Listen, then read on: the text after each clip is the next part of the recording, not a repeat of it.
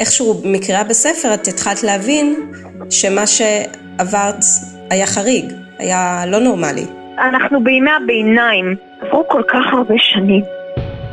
זה לא יכול להיות. איך זה יכול להיות? איך זה יכול להיות? הם דורשים מכל יחידת חירום כזאת להחזיק מצלמת פולארויד. זהו. זה התחכום שלנו.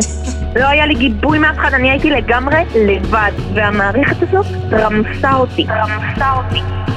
מה זאת אומרת? למה הם סגרו את החדר? מבינה שמבחינתי זה לא תיאורטי. לא נכון, אני אומרת לכם שלא. והם לא יכולים להתווכח איתי, כי אף אחד מסביב לשולחן הזה לא היה במערכת הזאת 15 שנה. אוקיי, אז לספר לך איך הכל התחיל? איך הכל התחיל? חזרתי לעיר שלי וגיליתי שהמצב הביטחוני בעיר ממש מידרדר. נחשפתי לסיפור מזעזע שהושתק על ידי המערכת ועל ידי התקשורת ועל ידי הפרקליטות.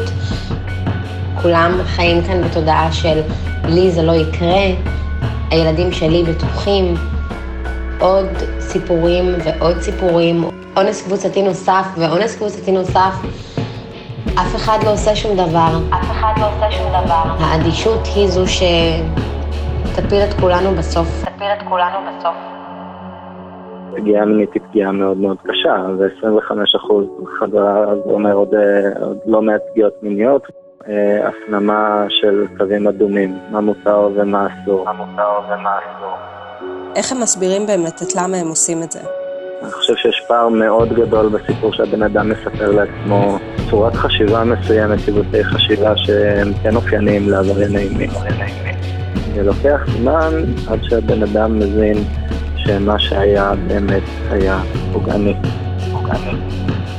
Well, it involved children, right? Our world is in such a terrible mess that uh, uh, it, gosh, the world needs saving. The world needs saving. If I told you the simple version, you, you would say, well, you know, that sounds weird. He was subdued with drugs in prison. So sometimes when I visited him, he wasn't very coherent. He wasn't very coherent. העונה השנייה של עבר פלילי. בקרוב. את עבר פלילי תמצאו בספוטיפיי, באפל פודקאסט, סאונד קלאוד, Castbox, או בכל אפליקציה אחרת להאזנה לפודקאסטים. נשתמע שם. ועד אז, המשך יום צודק לכם. המשך יום.